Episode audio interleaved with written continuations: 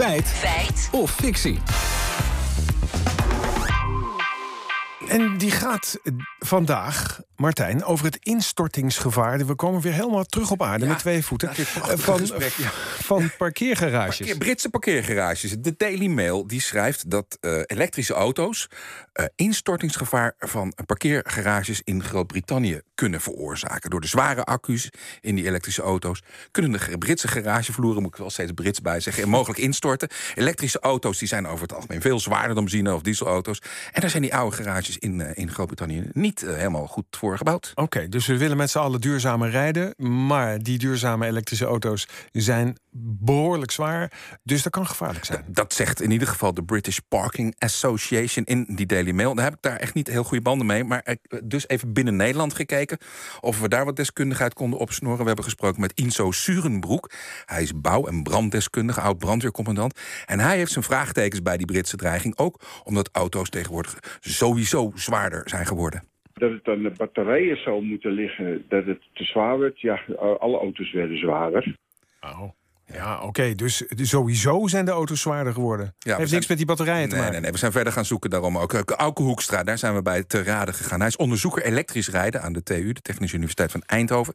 En ook hij haalt dit argument aan.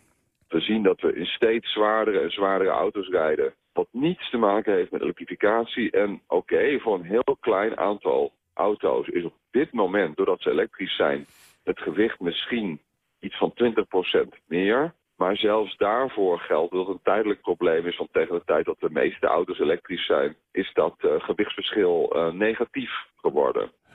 Oké, dus eh, eh, het gaat niet zozeer om elektrische auto's die zwaarder zijn. Ja, die zijn wel zwaarder, maar dat is met 20%. Alle auto's zijn veel zwaarder geworden. Dus het, maar ja, is dan, is dan door al die zware auto's het instortingsgevaar Ja, groter? dat zou je denken, maar zo zwart-wit ligt het allemaal eh, gelukkig, of helaas moet ik zeggen, niet. Er zijn SUV's die veel zwaarder zijn dan elektrische auto's. Model is dus heel belangrijk in deze discussie. Een voorbeeldje, de BMW eh, i4, of i4 zoals sommige mensen zeggen, die weegt 2125 kilo. Maar een Land Rover, een beetje een dikke, die weegt al gauw 2800, zo bijna 3000 kilo. En dan rijdt hij gewoon op benzine. Gewicht is dus niet de grootste veroorzaker van instortingsgevaar. Dat vertelt bouw- en branddeskundige Surebroek. Een manier om een instorting te krijgen gaat veel eenvoudiger met een brand. Een brand verzwakt de constructie namelijk veel sneller als dat die hoger belast wordt door, door een groot gewicht. Ah, brand is veel gevaarlijker dan een groot gewicht van een, van een auto. En eh, dat weet ik dan weer. Over elektrische auto's heb ik al gehoord. Die zijn eh, moeilijk te blussen als ze in brand vliegen, toch? ber- Berucht moeilijk. En het gevaar zit hem dus ergens anders in. Luister nog maar even naar uh, Surenbroek. Dus het risico van eh, elektrische auto's, eh, dat die eh, mogelijk eerder in brand gaan. Maar vooral een, een snellere en heftigere brand eh, veroorzaken.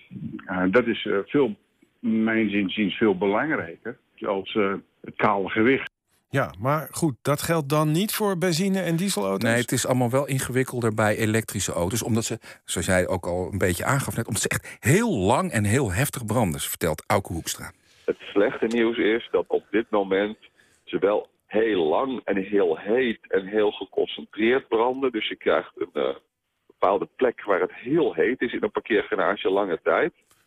En dat kan in worst case scenario's ervoor zorgen dat de wapening van het beton fundamenteel zwakker wordt. Ja, ik vind het steeds interessanter worden, Martijn. Het gaat dus niet zozeer om gericht, het gaat om brand. Dat is de boosdoener. Op één plek en dan stort het gebouw misschien daarom in. Het, het gewicht, het gevaar van het gewicht van elektrische auto's... daarover is Auke Hoekstra heel duidelijk. Dat is wat mij betreft echt grote onzin. Je Kijk. Dat is nog eens een duidelijke uitspraak van een expert. Ik voel hem aankomen, je conclusie?